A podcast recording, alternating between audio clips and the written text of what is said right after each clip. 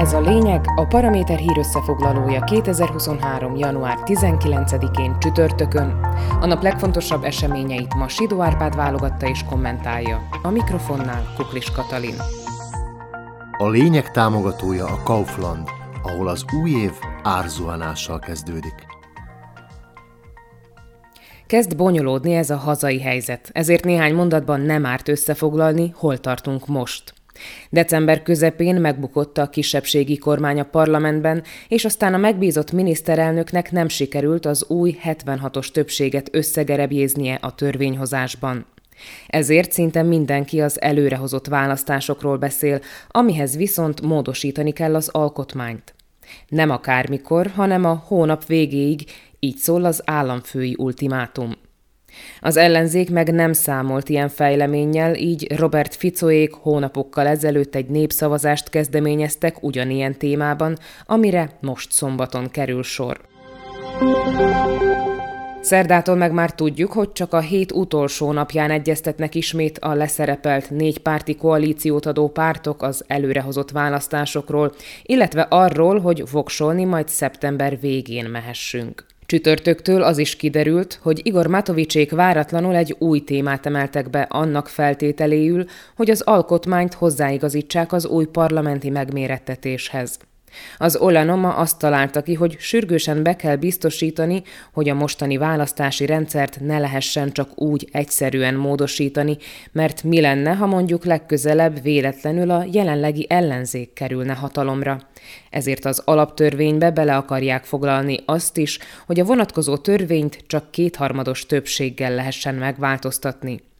Az egyszerű emberekből álló párt vezetője ennek kapcsán azt is elismeri, nem szokványos a politikai szervezete, mert ők kizárólag arra figyelnek, hogy mi lenne a legjobb az ország számára.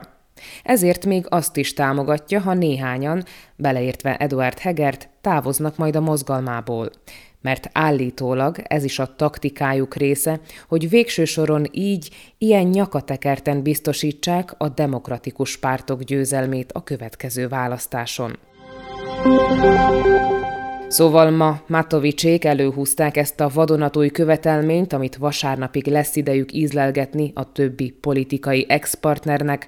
A megbízott kormányfő meg már úgy tudja, biztos össze fog jönni elegendő szavazat a parlamentben az alkotmány módosításához, hogy pár hónappal lerövidíthessék a választási ciklust. Heger ezért is mondja azt, hogy nem vesz részt a szombati referendumon, mert azt értelmetlennek, okafogyottnak tartja a jelenlegi helyzetben.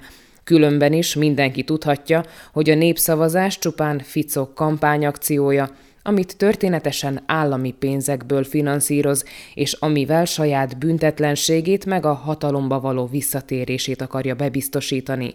A Smer vezetője meg egészen más nótát fúj. Szerinte a három legfőbb közjogi méltóság köteles lenne tiszteletet és megbecsülést tanúsítani a referendum iránt, mert az a közvetlen demokrácia legmagasabb formája. A köztársasági elnöknek, a házelnöknek és a miniszterelnöknek azt üzente, mindannyiuknak el kell menniük szavazni, és hagyjanak fel a nevetséges trükkjeikkel, akármit is jelentsen ez a megjegyzés.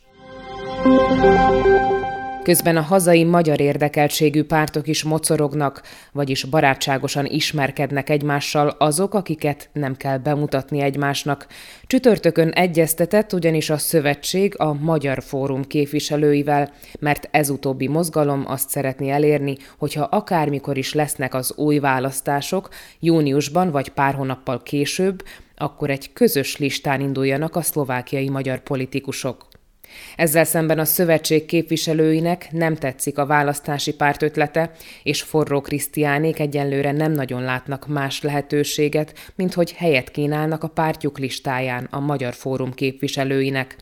Akik viszont nem nagyon erőltetnék az autonómiával kapcsolatos elképzeléseket, egy órán keresztül győzködhették egymást a parlamenten kívüli pártok emberei, hogy mi lenne jó a közösségüknek, és végső soron nekik is, de a téma túl komoly ahhoz, hogy csak úgy egymás tenyerébe csapjanak, így hát abban maradtak, hogy február elején visszatérnek ehhez a kérdéshez, és az időpont kiválasztásába nehéz lenne belekötni. Hiszen addigra kiderül, a januárból hátramaradó 12 nappal mihez kezd a régi új kormánykoalíció, azaz, hogy meg tudnak-e egyezni az előrehozott voksolás időpontjában, annak ellenére is, hogy Matovics állandóan előhúz a cilinderéből valami meglepőt, amin már mulatni sem tudunk. Sidó Árpád szerint ez volt a lényeg január 19-én csütörtökön, hírösszefoglalónkat minden hétköznap este meghallgathatják ugyanitt. Podcastjainkat pedig keressék a Paraméteren, illetve a Spotify, az Apple Podcasts, a Google Podcasts vagy a Podbean platformjain.